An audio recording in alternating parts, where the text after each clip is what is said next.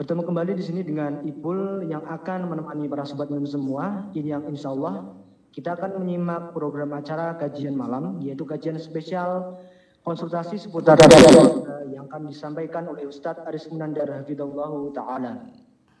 Kajian ini merupakan kajian interaktif sehingga sobat muslim semua dapat melayangkan pertanyaan melalui SMS ataupun chat WhatsApp ke nomor 0823 2727 5333. Sekali lagi kepada sobat muslim semua yang ingin bertanya terkait hukum seputar keluarga dapat melayangkan pertanyaan melalui via SMS atau via chat WhatsApp di nomor 0823 2727 5333. Kepada sobat muslim semua bisa dipersiapkan buku catatannya dan juga penanya untuk mencatat ilmu dari beliau. Dan jangan lupa dipersiapkan niat yang baik pula sehingga ilmu yang disampaikan dapat terpatri dan dapat kita amalkan di kehidupan nantinya. Baik sobat muslim, mari kita simak kajian berikut dari Radio Muslim. Ipul mengucapkan selamat menyimak kepada Ustaz Aris Munandar Habibullah Ta'ala dipersilahkan. Alhamdulillah wa kafa wa salatu wa salamu ala rasulil mustafa wa ala alihi wa sahbihi wa man tabi'ahum bi ihsanin ila yaumidin amma ba'd kaum muslimin dan muslimah uh, pendengar radio muslim Yogyakarta rahimani wa rahimakumullah Kembali kita lanjutkan materi pengantar sebelum sesi tanya jawab dari kitab Manhajus Salikin karya Syekh Abdurrahman Ibn Nasir As-Sa'di rahimallahu rahmatan wasi'ah. Kita masih di pembahasan tentang masalah iddah, tepatnya dalam kesempatan malam hari ini kita akan bahas tentang masalah ihdad atau bergabung karena meninggalnya suami. Di matan manhajus salikin disampaikan wa yalzamu fi muddati hadil iddati dan menjadi kewajiban seorang istri di masa iddah ini yaitu masa iddah karena ditinggal mati oleh suaminya dia memiliki kewajiban antuhidda al mar'atu untuk melakukan dan menjalani kegiatan dan ibadah bagi wanita muslimah yang disebut dengan ihdad atau bergabung. Bentuk realnya adalah bi antatur zinata di dia tinggalkan hal-hal yang mempercantik tampilan fisik, watiba dia tinggalkan parfum, tidak pakai parfum, wal dan tidak memakai perhiasan, gelang, anting-anting, kalung, dan yang lainnya watahsin bihinain wa nahwihi. Demikian juga dia tinggalkan mempercantik diri bihinain dengan uh, dengan pewarna ya, pewarna dengan pewarna berupa pewarna alami berupa pacar wa nahwihi atau materi yang lain. Maka bahasan kita dalam kesempatan malam hari ini adalah tentang ihdad atau kewajiban berkabung bagi istri yang ditinggal mati oleh suaminya. Ihdad diambil dari kata-kata had alias uh, yang makna asalnya adalah mencegah atau melarang. Karena orang ya uh, karena orang yang berkabung terlarang melakukan sejumlah hal. Secara syariat yang disebut dengan bergabung adalah meninggalkan hal-hal yang mempercantik tampilan diri, mempercantik tampilan fisik. Nah, ihdad bergabung dalam pengertian malas untuk berdandan, malas untuk bersolek, malas untuk ya, berwangi-wangi. Ini ada ada yang hukumnya wajib. Yang pertama, ada yang hukumnya wajib. Yaitu berkabungnya seorang istri karena ditinggal mati oleh suaminya. Baik dia dalam keadaan tidak hamil ataupun tidak hamil. Kemudian ditinggal mati oleh suaminya. Baik dia sudah pernah dikumpuli oleh suaminya ataupun belum pernah dikumpuli oleh suaminya. Dan jangka waktu masa bergabung itu mengikuti jangka waktu masa iddah. Kalau tidak dalam kondisi hamil 4 bulan 10 hari, kalau ditinggal mati dalam keadaan hamil, maka masa berkabungnya sama dengan masa iddahnya, yaitu sampai melahirkan.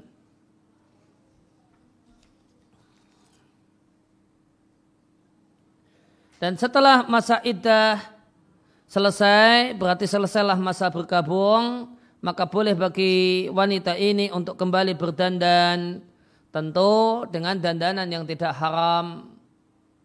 Nah, maka dan tentu di antara dandanan yang haram bersolek cantik di hadapan uh, untuk dikonsumsi oleh laki-laki yang bukan siapa-siapanya.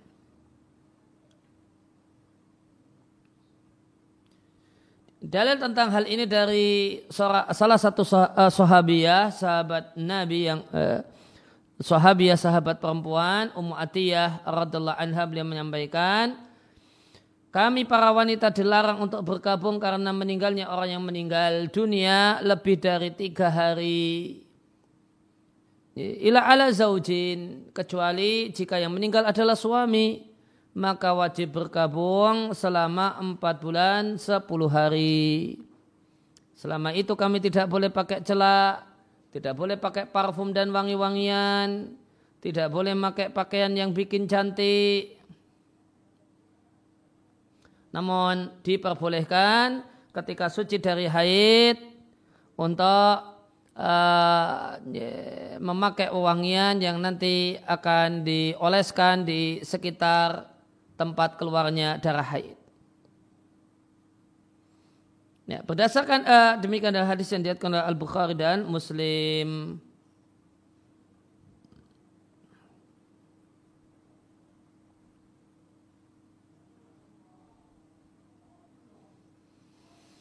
Ya, maka hadis ini menunjukkan tidak ada kewajiban berkabung jika pisahnya adalah pisah hidup kewajiban berkabung hanya ada kalau pisahnya pisah mati, ditinggal mati oleh suami. Dan wajibnya berkabung bagi wanita yang ditinggal mati oleh suaminya ya, ya, kal ijma'i seakan-akan statusnya adalah ijma' disepakati oleh para ulama. Ya, karena ada perselisihan namun perselisihan sedikit kecil yang uh, yang ada pada sebagian ulama salaf. Kemudian yang kedua berkabung yang hukumnya boleh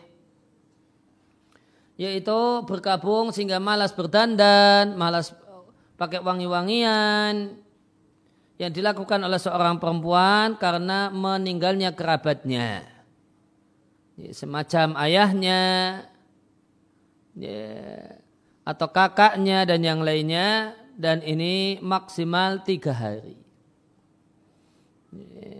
Maka boleh satu hari, dua hari dan maksimal tiga hari. Maka ini menunjukkan eh, bahasanya dalam Islam hak suami lebih besar daripada hak orang tua. Ketika suami meninggal dunia, seorang istri diwajibkan untuk menjalani masa bergabung selama empat bulan sepuluh hari. Atau sampai melahirkan jika dalam kondisi hamil. Tapi kalau ayahnya sendiri yang meninggal dunia maksimal cuma boleh tiga hari.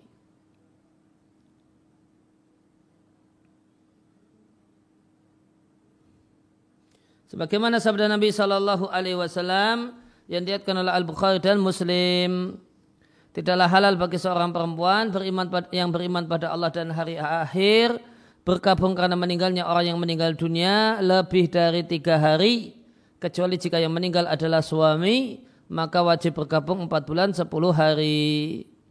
Kemudian bergabung yang uh, hukum bergabung yang ketiga adalah bergabung yang hukumnya haram yaitu manakala yang meninggal dunia itu bukan suami, bukan pula kerabatnya. Yang meninggal dunia uh, temannya, yang meninggal dunia semata-mata tetangganya, karena hal ini kemudian ya, malas ya, untuk kemudian berdandan, untuk mempercantik diri di depan suami. Nah ini satu hal yang uh, bergabung dalam kondisi semacam ini satu hal yang hukumnya haram. Kemudian berkenaan dengan kegiatan ya, wanita yang menjalani ihdat, maka dalam masa ihdat wanita yang berkabung itu punya kewajiban untuk menjauhi sejumlah hal. Ya, yang intinya adalah menjauhi hal-hal yang akan mempercantik dirinya dalam pandangan laki-laki dan mendorong orang yang melihatnya untuk ingin menikahinya. Ya, maka yang pertama adalah secara umum berkewajiban untuk meninggalkan zina, yaitu hal-hal yang mempercantik, memperbagus tampilan fisik. Contohnya pakaian, yang bikin e, mempercantik diri atau e, sandal atau alas kaki yang membuat dia tambah cantik.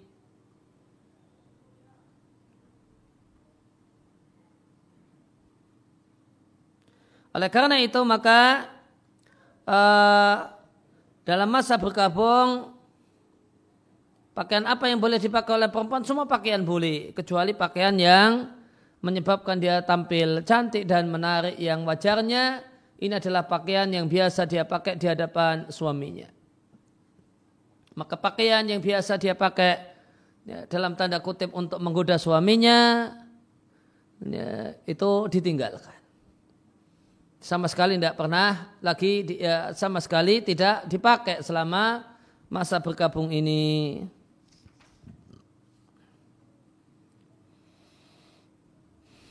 Sebagaimana uh, dari Ummu Salamah radhiallahu anha dari Nabi sallallahu alaihi wasallam Nabi menyampaikan al mutawafa anha zaujuha wanita yang ditinggal mati oleh suaminya tidak boleh memakai pakaian yang dicelup dengan uh, pencelup warna dari usfur ya, yaitu pakaian yang mempercantik dirinya tidak boleh memakai huli Eh, perhiasan, anting-anting, gelang, kalung. Wala taktadibu tidak boleh uh, menyemir rambut. Wala taktahilu dan tidak boleh memakai celak. Demikian adalah hadis yang diatkan oleh Imam Ahmad dan yang lain. Kemudian yang kedua, dalam masa berkabung ini wanita yang ditinggal mati oleh suaminya ini meninggalkan semua jenis parfum. Maka tidak boleh pakai parfum baik di badan ataupun di kain. Akan tapi diperbolehkan setelah suci dari haid untuk menghilangkan bau darah dan bekas darah dari sekitar kemaluannya maka boleh uh, diberi keringanan untuk memakai parfum secukupnya.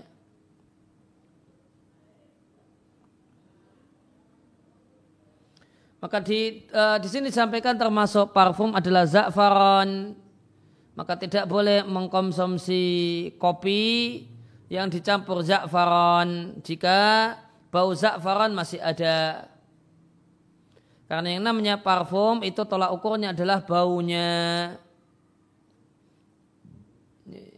Kalau baunya, bau wanginya masih ada, maka dia parfum. Namun uh, diperbolehkan memakai uh, meminum teh ya, yang dicampur dengan daun min atau nak-nak karena daun min itu bukanlah parfum boleh pula meminyaki badan atau rambut dan ya, membersihkan badan dengan sesuatu yang tidak memiliki bau yang wangi.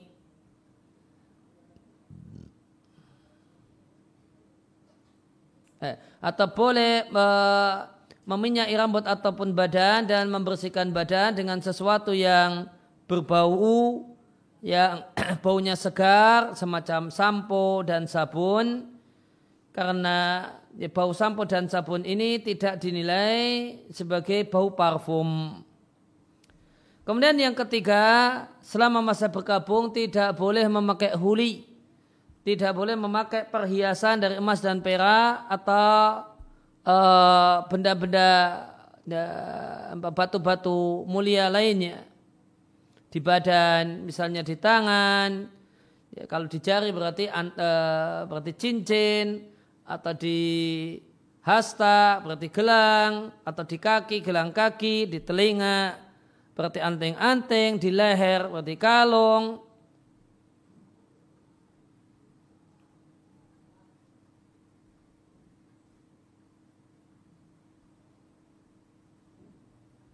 Ya, maka tidak boleh memakai huli yang baru, demikian juga huli atau perhiasan yang kemarin dipakai sebelum suaminya meninggal dunia itu dicopot setelah suaminya meninggal dunia.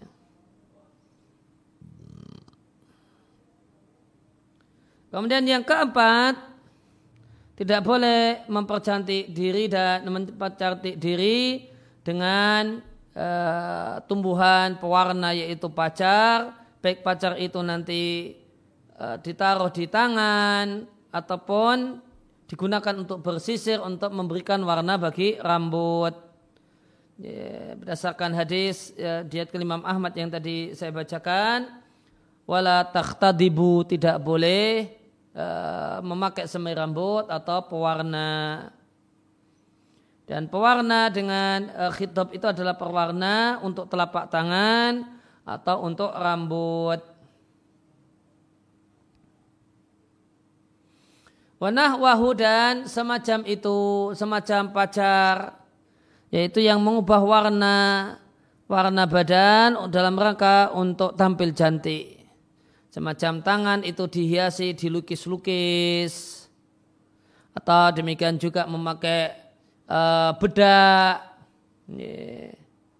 Masahikul tajmil pakai bedak. Yeah. Maka ini semua termasuk dalam hal ini yang terlarang dipakai oleh uh, wanita yang menjalani masa berkabung, terutama ketika berkabung yang wajib karena meninggalnya suami selama 4 bulan 10 hari atau jika dalam kondisi hamil sampai melahirkan. Ya, demikian materi pengantar. Ya, kita dalam kesempatan kali ini. Wasallallahu ala nabiyina Muhammadin wa ala alihi wasallam baru da'wana alhamdulillahirabbil alamin. Kembali saya kembalikan ke Mas Saiful. Alhamdulillahirrahmanirrahim Kami ucapkan jazakullah khairan Ustaz atas pemaparan materinya yang disampaikan pada kesempatan kali ini. Ibu informasikan kepada seluruh sobat muslim semua di mana pun nanti berada bahwasanya kita sudah masuk ke sesi tanya jawab sehingga teman-teman semua atau sobat muslim semua dapat mengirimkan pertanyaan lewat SMS ataupun chat WhatsApp ke nomor 0823 2727 5333 Sekali lagi, Ibu informasikan kepada sobat muslim semua yang ingin bertanya terkait konsultasi seputar hukum keluarga kepada Al Ustadz Aris Munandar Bidallah Ta'ala dapat mengirimkan ke nomor 0823 2727 5333. Baik Ustadz, kita bacakan pertanyaan pertama Ustadz. Ya, silakan. Apa Ustadz izin bertanya? Saya pernah mendengar di kajian-kajian bahwa menikah itu membuka pintu rezeki. Akan tetapi berdasar data yang ada, perceraian yang terjadi mayoritas didasari karena faktor ekonomi Ustaz. Lantas apakah betul menikah membuka pintu rezeki? Mohon penjelasannya Ustaz agar tidak salah paham. Jazakallah khairan. Ya, betul sekali bahasanya nikah adalah pembuka, eh, pembuka pintu rezeki. Karena Allah Ta'ala berfirman di surat An-Nur, Iyakunu fuqara'a fasafayurnihumullahu min fadlih. Jika mereka fakir, maka Allah Subhanahu wa taala akan mencukupinya dari karunia-Nya. Dan eh, eh, dan rezeki Allah itu akan terasa cukup manakala hati dipenuhi dengan kona'ah. Sehingga jika oleh karena itu maka uh, pintu rezeki di balik pernikahan itu akan terwujud ya manakala nikahnya dengan perempuan baik-baik. Kalau nikahnya dengan perempuan matre ya maka isinya ya kurang ini kurang itu kurang itu gitu. Nah dan uh, demikian juga rezeki itu akan terbuka manakala diri dengan tawakal kepada Allah Subhanahu wa taala kalau orang itu mengandalkan usahanya semata-mata usahanya maka boleh jadi dia akan menjumpai kesertan dalam rezeki karena rezeki itu terbuka manakala orang itu tidak mengandalkan usaha namun mempe, me, uh, namun mengedepankan pasrah dan tawakal kepada Allah Subhanahu wa taala. Nah. Jazakallah khairan Ustaz atas jawabannya. Kita lanjut ke pertanyaan berikutnya Ustaz. Bismillah, Assalamualaikum warahmatullahi wabarakatuh Ustaz. Waalaikumsalam warahmatullahi wabarakatuh. Ustaz, mohon nasihatnya bagi para pengantin muda yang terkadang menampilkan kemesraan atau kegiatan yang tengah dilakukan berdua di sosial media. Semisal mengajari istri di rumah, jalan-jalan, dan lain sebagainya. Karena banyak hati yang harus dijaga Ustaz. Kasihan juga para jomblo yang melihatnya. Jazakumullahu khairan Ustaz. Ya, ya maka kembali kepada hadis Nabi Shallallahu Alaihi Wasallam, la yu'minu ahadukum hatta yuhibali akhihi ma yuhibbu nafsihi. Ya, seorang itu tidak akan jadi orang yang betul-betul beriman sampai dia menginginkan untuk orang lain apa yang dia inginkan untuk dirinya sendiri. Seandainya dia orang yang uh, dia tadi dalam bahasa anak muda sekarang dia seorang jomblo, lihat temannya kemudian update status mesra-mesra dengan istri meskipun itu dari belakang dan sebagainya, gimana rasanya? Apakah nyaman, bahagia? Kalau dia tidak merasa nyaman dan bahagia, maka jangan berikan sikap semacam itu kepada kepada orang lain. Ya, cukuplah bahagia itu menjadi rahasia berdua antara ya, suami dan istri dan bahagia tersebut betul-betul uh, ya, betul-betul awet di rumah tangga keduanya. Biarlah kemudian uh, uh, waktu membuktikan bahasanya dia adalah orang yang betul-betul bahagia dalam rumah tangganya. Nah.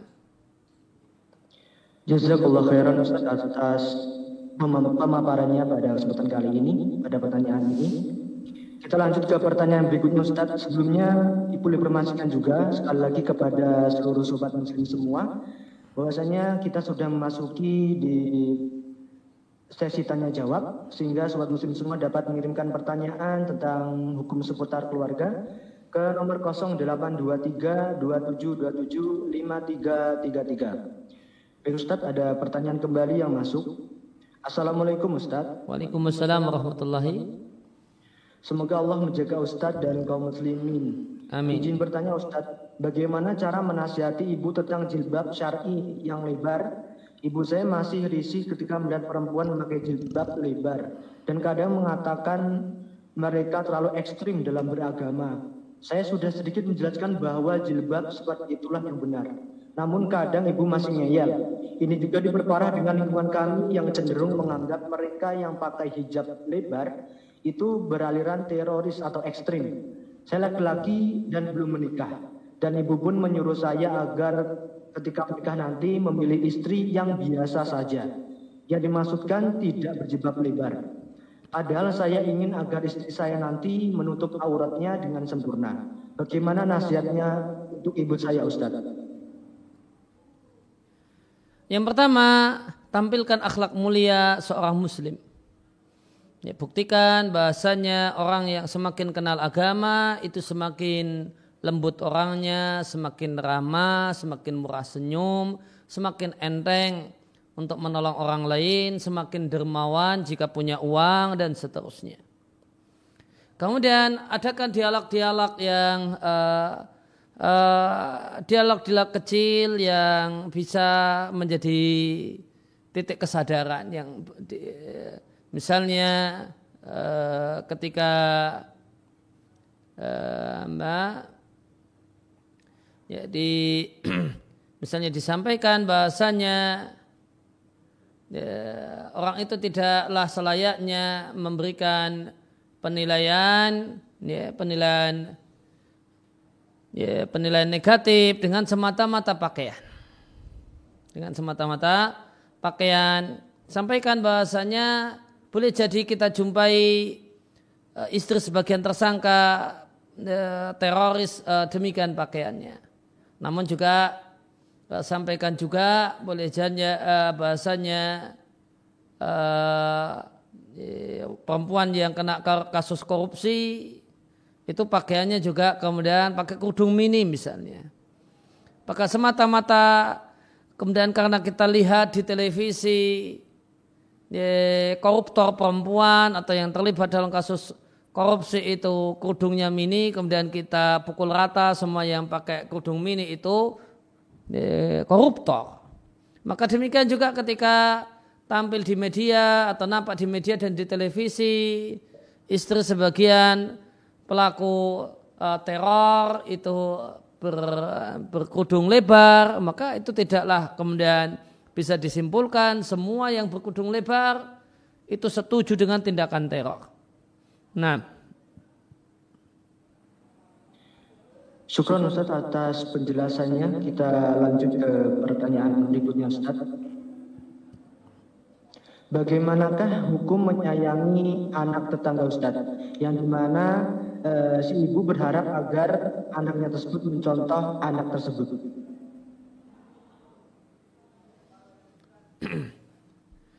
ya, di antara di antara hal yang patut untuk diperhatikan berkenaan dengan masalah pendidikan bahasanya anak itu lebih cenderung tidak suka dibanding-bandingkan. Ya, maka jika orang tua suka membanding-bandingkan itu loh sebelah begini, itu loh sebelah begini, maka itu tidak menarik simpati anak, namun sering kali malah menimbulkan uh, kejengkelan si anak karena merasa dibanding-bandingkan dan disudutkan dengan cara dibanding-bandingkan tersebut. Oleh karena itu, ya, maka Eh, kita didik anak, kita eh, kita didik anak dengan ya, tanpa perlu banyak atau terlalu sering membanding-bandingkannya dengan orang lain dan anak tetangga. Namun sampaikan bahasanya ya, anak yang soleh itu demikian, anak yang baik itu demikian. Gitu. Nah. Syukur Ustaz atas penjelasannya. Sekali lagi kami informasikan kepada seluruh sobat muslim semua yang ikut menyimak kajian konsultasi seputar keluarga bersama Ustaz Aris Munandar Hafidullah Ta'ala bahwasanya kita berada di sesi tanya jawab sehingga sobat muslim semua dapat mengirimkan pertanyaan melalui via SMS ataupun WhatsApp ke nomor 0823 727 5333. Baik Ustaz, kita ada pertanyaan selanjutnya. Ustadz, jika orang tua atau keluarga kita ada yang sedang sakit, bagaimanakah yang lebih baik? Apakah menulis di media sosial agar orang-orang mendoakan, atau kita tetap menyembunyikan musibah sakit yang menimpa keluarga kita? Seperti tidak menyebarkan di media sosial. Ya, uh, dua pilihan tersebut masing-masing ada sisi benarnya. Maka kemudian menyebarkan ke media sosial dengan tujuan tolong doakan eh, eh, orang tua saya, doakan anak saya, maka tidak salah. Dan minta doa dengan sesama muslim juga tidak salah. Apalagi kemudian dia ketahui kawan-kawannya di medsos itu rata-rata adalah orang-orang yang saleh. Maka dari sisi ini tidak masalah. Namun dari sisi yang lain, saya tidak ingin uh, merepotkan orang ya, karena membuat orang sedih karena mengetahui kabar bahasanya saya sedang bersedih maka itu juga alasan yang bisa dimaklumi dan bisa diterima maka silahkan dipertimbangkan mana yang terbaik dari dua pilihan ini dan silahkan dilaksanakan dilakukan. Nah. Syukur Ustaz atas penjelasannya. Kita bacakan pertanyaan berikutnya Ustaz. Izin bertanya Ustaz, bagaimana hukum bekerja yang mana mendapatkan pekerjaan tersebut menggunakan orang dalam? Atau yang mana orang tua juga bekerja di perusahaan tersebut? Mohon nasihatnya Ustaz.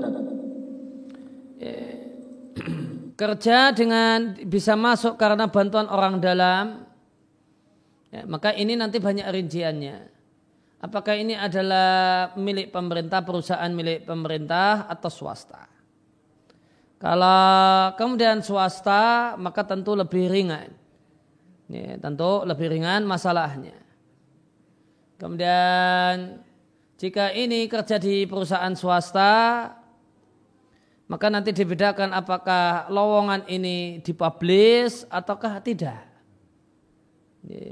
kecurangan dan uh, dan uh, ya kecurangan manakala ini dipublish ternyata yang diterima tidak berdasarkan apa yang dipublish. Tapi kalau penerimaannya itu tidak dipublish dan ini perusahaan swasta, kemudian orang dalamnya ya memang uh, punya otoritas dalam masalah ini, maka tidak mengapa. Jadi uh, pertanyaannya perlu dipertegas, diperjelas. Ini kasus di mana? Ya, apakah ini kasus kemudian jadi PNS atau kerja di eh, BUMN atau badan usaha milik pemerintah daerah yang ini statusnya milik negara, maka ini tidak boleh. Tidak uh, boleh uh, dengan cara-cara cara-cara yang tidak profesional semacam ini. Ya, karena itu karena ini adalah uh, milik umat, ya, maka semua orang yang maka yang paling berat untuk kerja adalah orang yang paling bermanfaat untuk kepentingan umat. Ya, bukan orang yang paling kuat punya orang dalam. Namun kemudian jika ini perusahaannya adalah perusahaan swasta tentu lebih ringan ya, terutama dan malah bahkan tidak masalah masuk karena orang dalam asalkan perusahaan swasta ini tidak mempublish. Kalau dia mempublish ini dibutuhkan satu orang dengan keahlian ini. Ini silakan daftar. Eh ternyata semua yang daftar yang ini, ternyata semuanya tidak diterima karena peran orang dalam yang bermain. Maka ini tentu penipuan. Ya, dalam hal ini biasa kita sebut dengan penipuan publik. Bilangnya penerimaan berdasarkan seleksi, eh ternyata berdasarkan siapa yang bawa. Nah. Syukron Ustaz atas penjelasannya. Kita lanjut ke pertanyaan berikutnya Ustaz. Assalamualaikum warahmatullahi wabarakatuh Ustaz. Waalaikumsalam warahmatullahi wabarakatuh. Mohon izin bertanya, Bagaimana baiknya seorang fulanah yang mengalami trauma pelecehan seksual dalam mengobati dirinya karena ia terus-menerus menangis meski telah bertaubat. Sementara ia juga takut tetap terus menangis dan akan menyusahkan jika punya suami kelak. Sedangkan ia tidak ingin bercerita aibnya psikolog ataupun orang lain. Jazakumullah khairan. memiliki tekad untuk tidak curhat dengan siapa pun satu hal yang baik jika bisa mengatasi dan menyelesaikan masalah sendiri. Namun jika ternyata ya, tidak bisa menyelesaikan masalahnya sendiri, malah kemudian dengan memendam tersebut dia bikin masalah dengan dirinya sendiri, maka memaksakan diri untuk tidak pernah cerita dengan siapa pun, ini satu hal yang bukan sikap yang bijak. Namun jika ia bijak dalam hal ini, silakan konsultasi kepada orang yang amanah. Pertama orang yang amanah, kemudian orang yang bisa memberi solusi. Di antaranya kalau dari sisi karena ini masalah kejiwaan, ya, silakan kemudian konsultasi kepada psikolog muslim yang amanah. Mungkin bisa membantu ada strategi-strategi dalam ilmu psikologi yang bisa membantu kejiwaannya. Kemudian masalah uh, ketika kemudian dia bersuami, betul memang satu hal yang nilainya aib, tidak perlu diceritakan. Nah. Syukran Ustadz atas penjelasannya. Sekali lagi kami bermasihkan kepada muslim kita masih ada waktu untuk melakukan atau membacakan tanya jawab atau pertanyaan dari sobat muslim semua sehingga sobat semua dapat mengirimkan pertanyaan terkait konsultasi seputar hukum keluarga ke nomor 082327275333 melalui chat WhatsApp ataupun SMS. Baik Ustadz, kita lanjut ke pertanyaan berikutnya. Ustadz, bolehkah melihat kemaluan pasangan halal ketika berhubungan Apakah benar ada larangannya Ustadz? Dan apakah ada larangan menghadap kiblat di saat berhubungan suami istri? Ya, kalau nggak salah ini sudah pernah ditanyakan di kajian siang, namun uh, ya mengapa saya jawab ulang? Ya, sebagian ulama fikih memakuhkan ya, seorang suami melihat kemalan istrinya dan sebaliknya. Namun dasar hal ini adalah hadis yang taif sehingga ya, siapa yang melakukannya dan siapa yang mengalami hal ini melihat kemaluan pasangannya, insya Allah tidak mengapa. Nah, kemudian betul sebagian uh, ulama menganjurkan untuk tidak menghadap kiblat. Namun uh, sebatas yang saya tahu tidak ada dasar uh, dari Al-Quran dan hadis Nabi Sallallahu Alaihi Wasallam yang uh, melarang untuk posisi menghadap kiblat saat hubungan suami istri. Oleh karena itu siapa yang ya, melakukannya maka dia tidaklah melakukan hal yang salah dan keliru. Nah. Ustaz atas penjelasannya. Kita lanjut ke pertanyaan berikutnya. Assalamualaikum warahmatullahi wabarakatuh. Ustaz. Waalaikumsalam warahmatullahi wabarakatuh. Assalamualaikum Ustaz. Wa ilaikum. Apakah termasuk sunnah melakukan perbuatan yang berseberangan, misalnya keyakinan sebagian masyarakat bahwa orang Sunda jangan menikah dengan orang suku Jawa? Mohon nasihatnya Ustaz. Jika ada orang yang memiliki keyakinan, uh, punya keyakinan misalnya uh, Sunda dengan Jawa nanti keluar rumah tangganya tidak akan bahagia. Ini, artinya ada anggapan ya, dalam pernikahan semacam ini maka untuk para tokoh dianjurkan untuk menyelisihinya ya, para tokoh masyarakat dan orang yang terpandang di masyarakat ya, dianjurkan untuk menyelisihinya dalam rangka mendidik masyarakat. Nah. Syukur Ustaz atas penjelasannya. Uh, kita lanjut ke pertanyaan berikutnya Ustaz.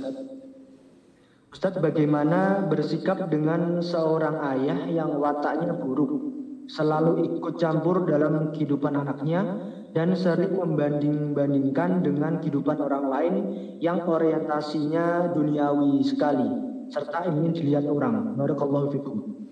Yang pertama saya sarankan jika dia eh, berumah tangga, anak ini jika berumah tangga maka hendaknya uh, memilih untuk ngontrak sehingga tidak satu rumah dengan orang tuanya. Kemudian yang kedua, saya sarankan untuk bersabar dan di antara untuk sabar adalah ketika orang tua mengucapkan kalimat-kalimat yang menyakitkan, dengarkan, artinya diam saja, namun masuk ke telinga kanan, keluar telinga kiri. Sehingga seakan-akan tidak terjadi apa-apa dan belum pernah dengar apa-apa. Nah. Syukur Ustaz atas penjelasannya lagi kami informasikan kepada sobat muslim semua, maksudnya masih ada sekitar 15 menit lagi. Uh, sobat muslim semua dapat mengirimkan pertanyaan mengenai hukum seputar keluarga di nomor 0823 2727 5333. Sekali lagi teman-teman semua, sobat muslim semua dapat melayangkan pertanyaan melalui chat WhatsApp ataupun SMS ke nomor 0823 2727 5333. Baik Ustaz, kita bacakan pertanyaan berikutnya. Bismillah, Assalamualaikum warahmatullahi wabarakatuh. Ustaz. Waalaikumsalam warahmatullahi wabarakatuh. Apakah hukum seseorang yang menceraikan istrinya berkali-kali ketika belum mengenal sunnah dengan persangkaan bahwa cerai sah kalau di pengadilan? Jazakallah khair Ustaz.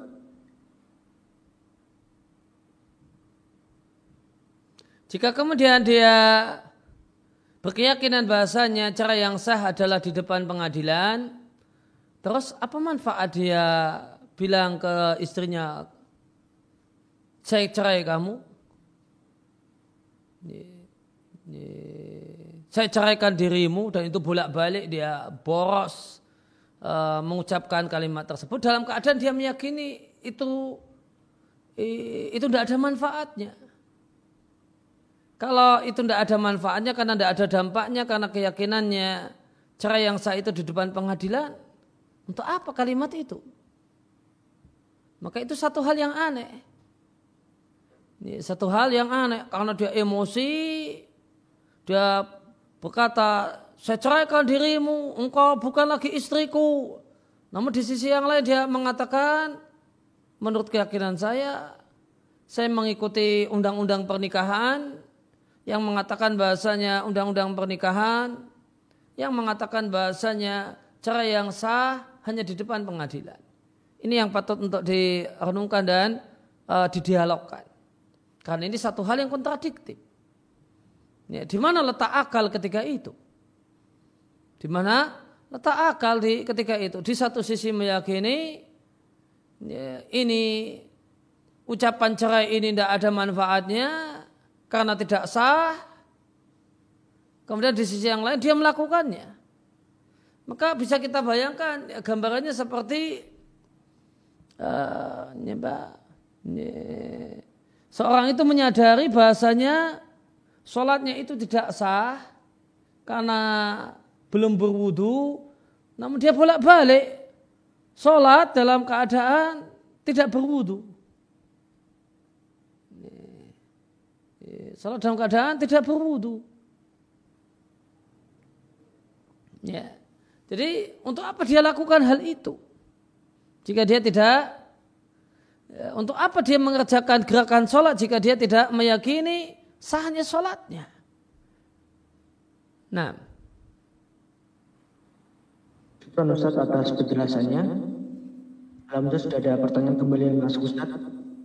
Ustaz izin bertanya, bagaimana jika istri benci dengan suami? Apa nasihatnya Ustaz? Syukron.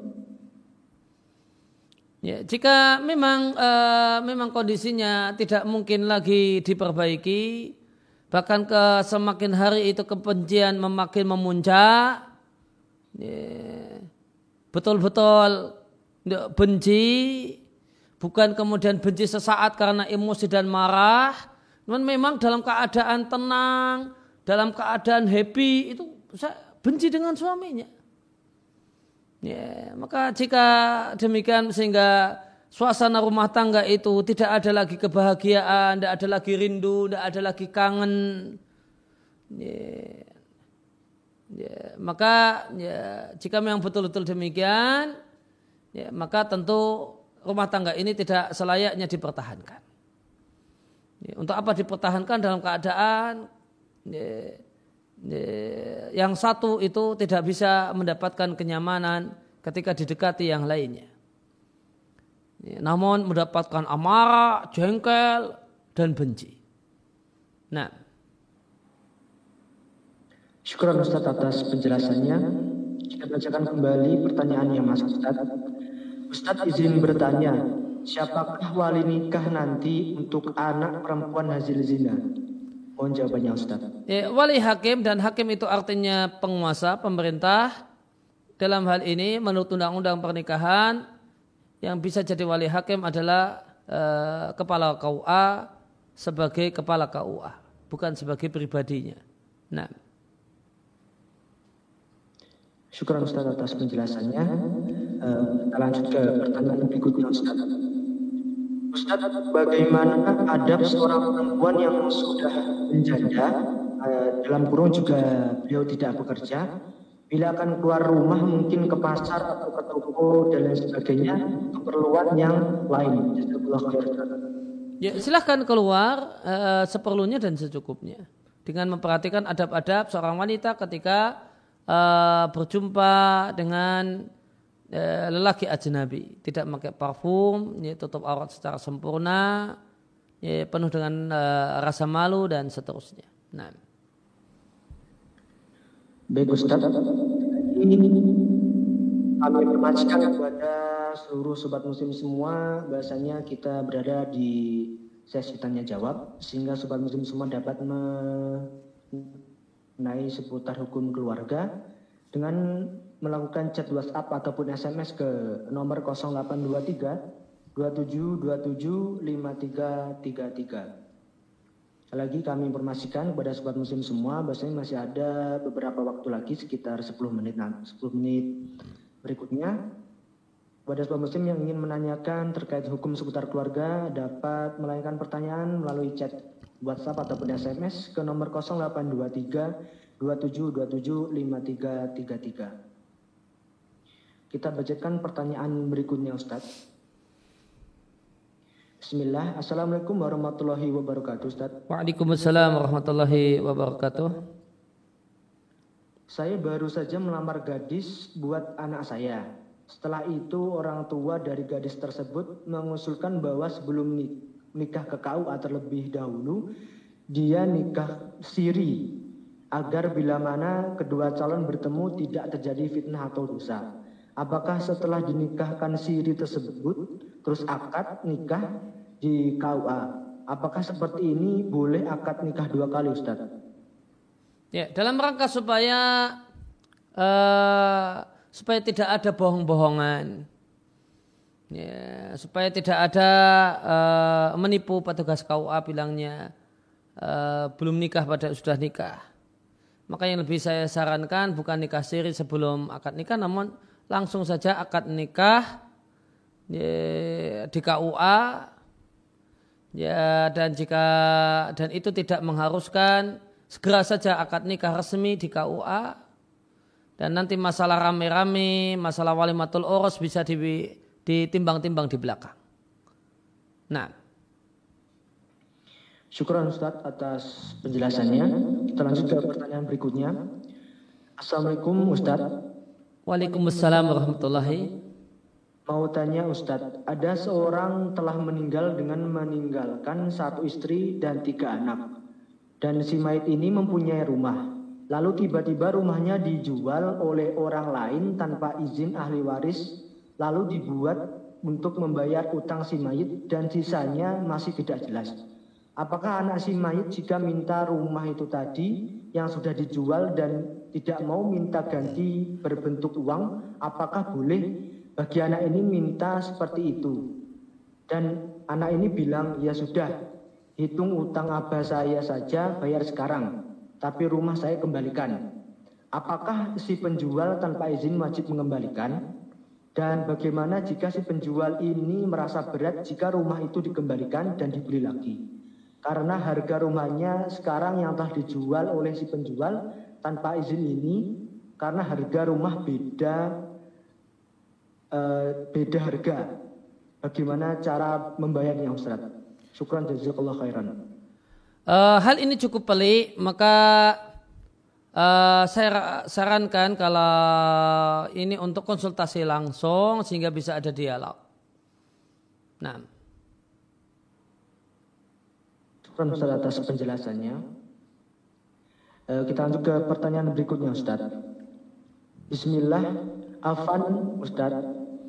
Bagaimana baiknya menasihati istri yang ikut kajian pada kelompok yang kerap mentahdir ustadz-ustadz ahlu sunnah? Oh nasihatnya ustadz.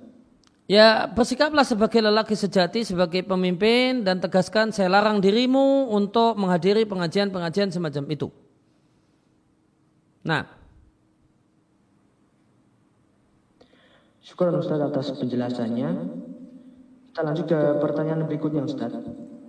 Bismillahirrahmanirrahim. Assalamualaikum warahmatullahi wabarakatuh Ustaz. Waalaikumsalam warahmatullahi wabarakatuh. Bolehkah seorang ikhwan yang hendak melamar akhwat mengungkapkan kata cinta?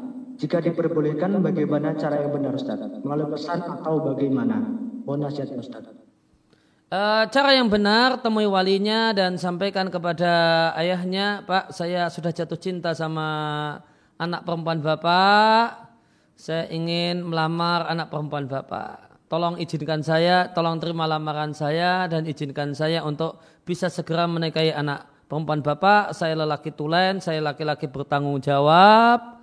Ya, saya sudah faham betul konsekuensi untuk jatuh cinta dengan anak perempuan bapak. Demikian cara yang benar. Nah. Syukur Ustaz atas jawabannya. Lanjut ke pertanyaan berikutnya Ustaz. Mohon izin bertanya Ustaz. Ustaz saat ini saya bekerja di tempat yang ada seorang laki-laki yang berorientasi seksual menyimpang. Lalu kantor kami juga sedang mengampanyekan kesamarataan atau diversity. Bagaimana hukum saya bekerja di sana Ustaz? Ya, jika kemudian Bekerja itu di antara hal faktor yang penting adalah nyaman. Jika Anda merasa tidak nyaman, ya, maka selanjutnya Anda cari tempat kerja yang lebih baik dan lebih nyaman. Tidak mesti ya, terlepas dari halal haramnya bekerja tempat tersebut. Yang jelas kalau terasa tidak nyaman, maka nanti bekerja itu tidak akan maksimal dan akan kurang profesional. Ya, orang itu akan bisa lebih all out dengan pekerjaannya kalau dia nyaman dengan pekerjaannya. Maka cari pekerjaan yang ya, membuat hati itu nyaman. Nah. Syukur Ustaz atas penjelasannya. Kita lanjut ke pertanyaan berikutnya Ustaz. Ustaz, apakah sampai pahala jika kita beramal dan menghajikan orang yang sudah meninggal? Sedangkan dalam hadis dari Abu Hurairah radhiyallahu anha berkata bahwasanya Rasulullah shallallahu alaihi wasallam bersabda, apabila manusia meninggal dunia maka terputuslah segala amalnya kecuali tiga, yaitu sedekah jariah, ilmu yang bermanfaat atau anak soleh yang mendoakan kepadanya. Syukran jazakallah khairan Ustaz. Ya, hadis tersebut dijelaskan dengan hadis-hadis yang lainnya yang menunjukkan bolehnya bersedekah untuk orang yang telah meninggal dunia, bolehnya bukan anak mendoakan orang lain, mensolatkan jenazah orang lain, bolehnya menghajikan orang dengan syarat dan ketentuan yang berlaku. Maka hadis tersebut dilengkapi dengan hadis-hadis yang lain dalam masalah ini. Nah, Syukur Ustaz atas penjelasannya. Lagi kepada sobat semua masih ada sedikit waktu bagi para sobat muslim semua yang ingin menanyakan pertanyaan terkait hukum seputar keluarga dapat mengirimkan pertanyaan ke SMS ataupun chat WhatsApp di nomor 0823 2727 5333. Baik Ustaz kita lanjut ke pertanyaan berikutnya Ustaz. Assalamualaikum Ustaz. Waalaikumsalam warahmatullahi Semoga antum sekeluarga dijaga oleh Allah Subhanahu wa taala. Amin. Saya seorang ibu RT. Saya pernah terlewat sholat isya karena menidurkan bayi dan qadarullah anak-anak lain rewel. Baru bangun jam 4 subuh. Bagaimana cara saya mengganti sholat isya saya Ustaz dan bagaimana hukumnya? Ya, begitu bangun maka langsung segera uh, menjalankan sholat isya yang tertinggal. Nah, Syukur Ustaz atas penjelasannya. Mungkin ini pertanyaan terakhir Ustaz. Yang nantinya eh, mohon juga Ustaz menutup kajian pada malam hari ini. Assalamualaikum warahmatullahi wabarakatuh Ustaz. Waalaikumsalam warahmatullahi wabarakatuh. Ustadz, apa hukumnya jika sudah terlanjur menikah siri dan menikah lagi di KUA biar resmi? Mohon nasihatnya Ustadz. Ya sudah gimana lagi pilihannya kalau supaya mau dapat surat nikah ya uh, perlu nikah ke KUA meskipun nanti nikah di KUA itu nikah bohong-bohongan. Nah ini bermasalah. Ini dari sisi agama bermasalah. Nanti kemudian nipu si KUA, pihak KUA sudah nikah mas belum? Eh, ini eh, ke sini ngapain? Pingin dinikahkan pak? Nah, ingin nikah padahal sudah nikah. Ya, ya kalau nggak nggak mau bohong ya, ya bentuknya laporan Pak. Kemarin ya, saya sudah dinikahkan nikah dengan wali ini saksinya. Ya, tolong kami minta bantuan Bapak untuk ya, mencatatkan dan mengeluarkan surat nikah gitu. Nah ini kalau ini sangat tidak mengapa kalau mampu demikian. Jadi datangkan wali, datangkan saksi, ngomong ke pihak KUA, Pak ini eh, wali menyampaikan, Pak ini saya sudah nikahkan anak perempuan saya, ini anaknya, saya nikahkan dengan itu suaminya sekarang, ini saksinya kemarin eh, sudah saya nikahkan jam sekian, ya, ini ya, saksinya bisa ditanyain kalau betul telah terjadi akad nikah gitu, eh, kita minta untuk dicatatkan. Nah ini yang uh, ini yang ini yang ini bagus ini tidak masalah. Tapi kalau kemudian ya, datang ke ini kemudian uh, kemudian mengadakan akad nikah bohong-bohongan, nah ini ada dosa bohong, ada dosa menipu. Dan yang ditipu adalah seorang muslim dalam hal ini petugas KUA. Maka terhadap petugas KUA dia telah uh, tercakup dalam hadis man rusana falaisa minna. Siapa menipu muslim maka dia bukan bagian dariku. Ya, itu sisi permasalahannya. Tapi ya ya, ya kalau bisa uh, uh, cara yang pertama melaporkan itu lebih baik. Nah demikian yang kita bahas kesempatan malam hari ini. Ya, sering berdoa saya ucapkan terima kasih kepada Bapak dan Ibu sekalian atas kehadirannya di di kelas virtual ini. Mudah-mudahan kehadiran kita di di sini di kelas virtual ini, di kelas online ini Allah catat sebagai amal ibadah yang memberat timbangan kebajikan kita di sisi Allah Subhanahu wa taala. Di hari tidaklah bermanfaat harta dan anak kecuali orang yang menghadap Allah dengan hati yang bersih dan amal yang soleh. Dan tidak lupa kami ucapkan terima kasih kepada tim Radio Muslim Yogyakarta, demikian juga Hakku TV dan semua media yang merilai acara ini. Ya, jazakumullah khairan. Semoga Allah Subhanahu wa taala memberikan balasan kepada semua orang yang punya kontribusi untuk terselenggaranya acara ini dengan baik dan lancar. Dan semoga Allah berikan balasan yang lebih baik di dunia dan di akhirat. Wassalamualaikum warahmatullahi wabarakatuh wa ala alihi wa sahbihi wasallam wa akhiru da'wana anil hamdulillahi rabbil alamin subhanakallahumma bihamdika asyhadu an la ilaha illa anta astaghfiruka wa atubu ilaik wassalamu alaikum warahmatullahi wabarakatuh